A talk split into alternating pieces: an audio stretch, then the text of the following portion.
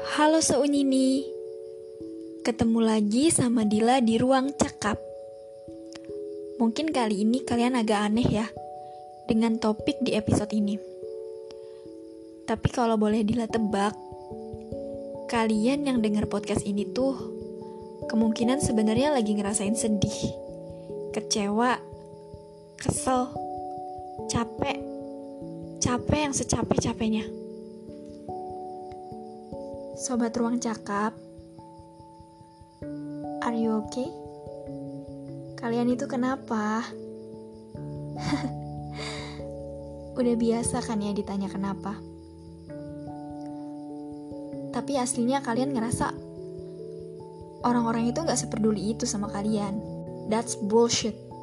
Mereka cuman basa-basi. Mereka cuma kepo mereka cuma mau mendengar apa yang menarik perhatian mereka aja, apa yang pengen mereka dengar. Selebihnya, kalau kalian cerita tanpa diminta, respon mereka pun akan biasa, gak seantusias ketika rasa kekepoan mereka belum terjawab sebelumnya.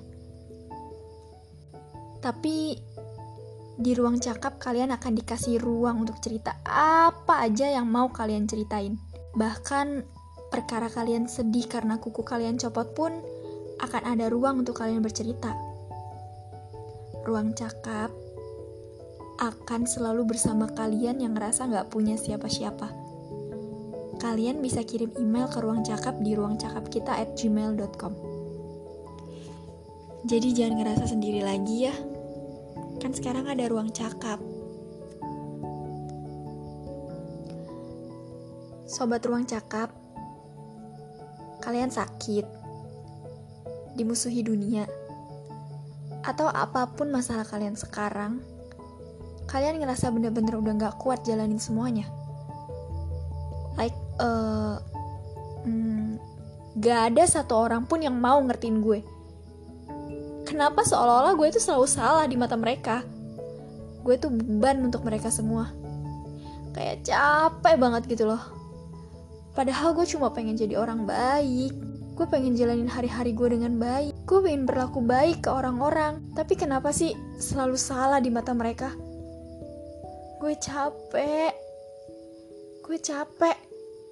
Capek yang secapek-capeknya orang capek. Gue pengen ngakhirin hidup gue untuk ngehilangin rasa sakit ini.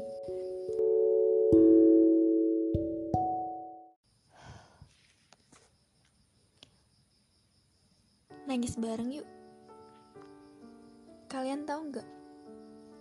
Sebenarnya Dila juga pernah ada di posisi itu. Jadi Dila nggak akan ngelarang kalian kalau kalian saat ini pengen nangis. Kalau ada semacam senyawa yang buat mata kalian rabun atau membasahi pipi kalian saat ini, jangan buru-buru menyekanya. Gak usah sok kuat.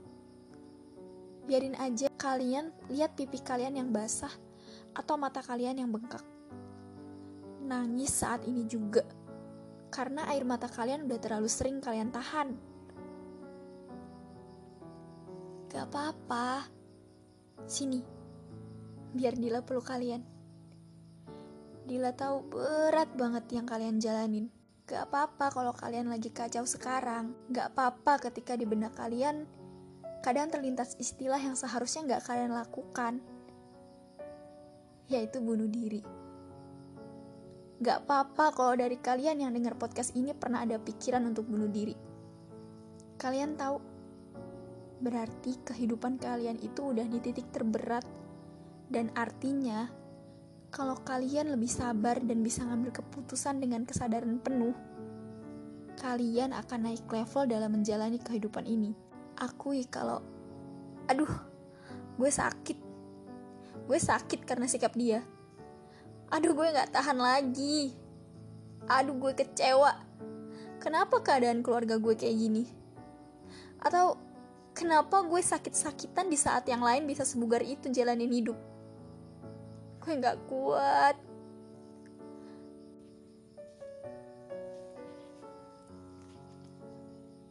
Jadi sebenarnya kenapa Dila kepikiran buat podcast tentang ini karena Dila juga pernah terbantu oleh seseorang yang buat podcast di channel Pagar Kehidupan. itu adalah salah satu podcast yang bisa bantu Dila untuk terus jalanin hidup. Dila juga ada masanya pengen ngerasa mati.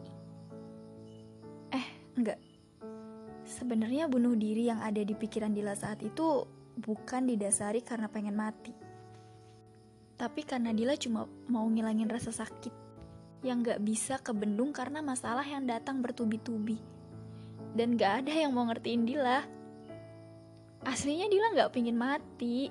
Dila cuma capek dan rasa sakit itu muncul karena terlalu capek untuk mikirin gimana caranya ngadepin orang-orang yang nyakitin Dila. Sampai akhirnya tibalah di satu titik di mana sekarang pastinya Dila bakal bener-bener ngerasa bodoh kalau sampai Dila nggak inget akan keberadaan Tuhan saat itu. Karena suatu masalah, Dila pernah berpikir untuk bunuh diri. Entah apa yang ada di pikiran Dila saat itu, Dila bener-bener pengen ngerasain gimana sih rasanya bernapas dalam air di waktu yang cukup lama dan gak bangun-bangun. Mengingat ada orang yang pernah bilang, kemungkinan orang meninggal karena suatu hal yang disukainya. Jadi sebagai penyuka air, mungkinkah akhir kisah Dila berhubungan dengan air? Jadi sambil nangis, Dila masukin kepala Dila ke dalam bak mandi yang ada di kamar mandi Dila. Dan sekuat itu bertahan sampai akhirnya Dila sadar akan keberadaan Tuhan. Kalau Tuhan aja mampu mengatur bumi, matahari, dan bulan, lalu apa susahnya Tuhan untuk menyelesaikan masalah Dila? Jadi Dila langsung bangun dan cepet-cepet baca istighfar dan minta maaf sama Tuhan atas kehilafan Dila yang udah menzolimi diri Dila sendiri.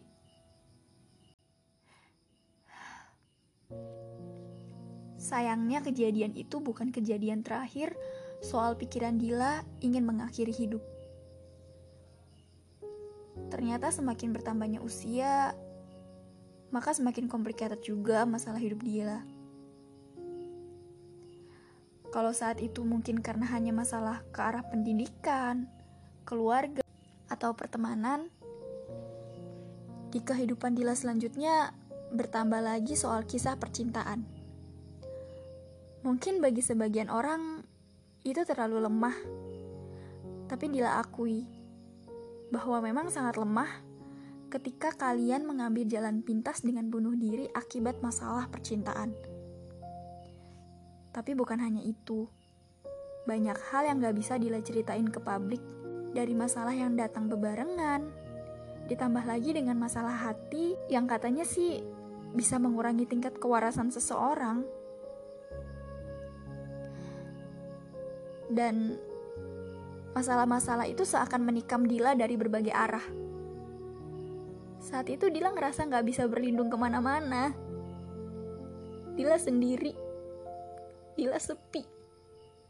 Gak ada yang bela Dila. Dan Dila kacau.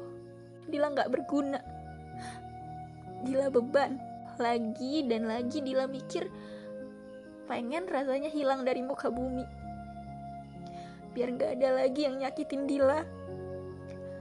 Atau yang sakit karena ulah Dila. Tapi Dila gak akan melakukan hal konyol yang pernah Dila lakuin dulu. Apalagi sampai melukai diri sendiri. Karena Dila punya Tuhan. Tuhan yang tahu kapan waktu yang tepat untuk biarin Dila kembali ke pelukannya. Jadi saat itu, Dila bertekad untuk bunuh diri lagi.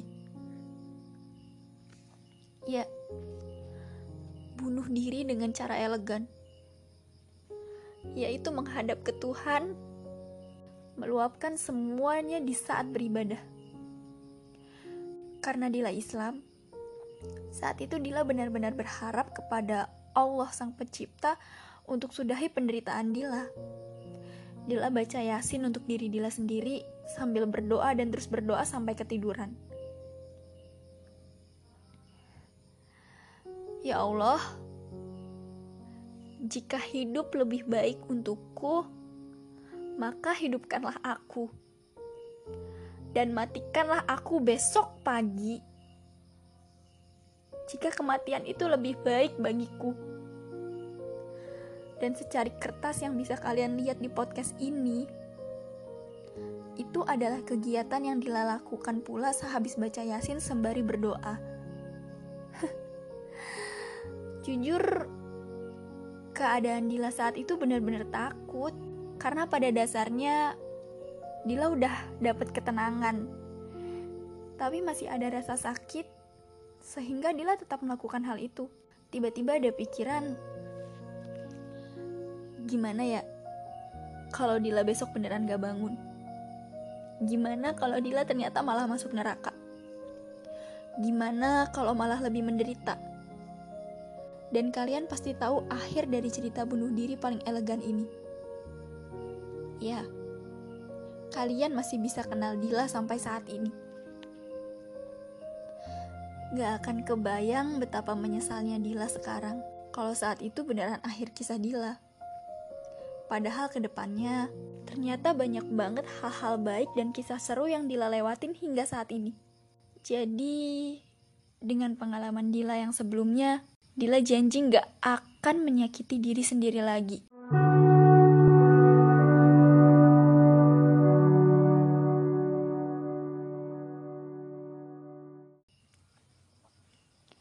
Pokoknya, untuk kalian yang lagi ngerasa berat banget, please jangan bunuh diri.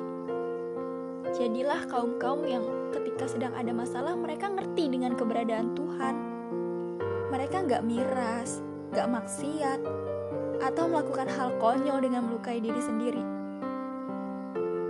Coba deh lihat langit. Tuhan itu baik. Tapi kalian gak pernah bisa lihat hal-hal baik yang udah Tuhan kasih ke kalian selama ini kalian terlalu fokus mikirin hal-hal yang gak bisa kalian handle. Orang yang nyakitin kalian, keadaan rumah yang katanya gak kaya rumah. Coba untuk lebih terbiasa dan berlapang dada dalam menyikapi semua. Ketika ada orang jahat, mungkin aja dia hanya orang baik yang lagi hilaf. Tegur duluan dan sekedar sapa mereka di jalan. Entah respon apa yang kalian dapat, tapi Dila yakin itu akan membuat keadaan kalian menjadi lebih baik. Akan lebih nikmat memberi cinta ke orang lain daripada menunggu cinta dari orang lain. Kalian juga janji ya, jangan bunuh diri. Kalau lagi berat, gak apa-apa. Mungkin emang lagi gini fasenya. Ya udahlah, mau gimana lagi. makhluk ciptaan Tuhan aja bisa buat suatu sistem yang hebat seperti lampu lalu lintas dengan tiga warna berbeda yang waktunya harus tepat diatur supaya terjadi kelancaran jalan. Maka kecil bagi Tuhan untuk menyelesaikan masalah kalian di waktu yang tepat. Tuhan lebih besar daripada masalah kalian. Kalau ada Tuhan, kenapa kalian harus nekat nyelesain semuanya sendiri?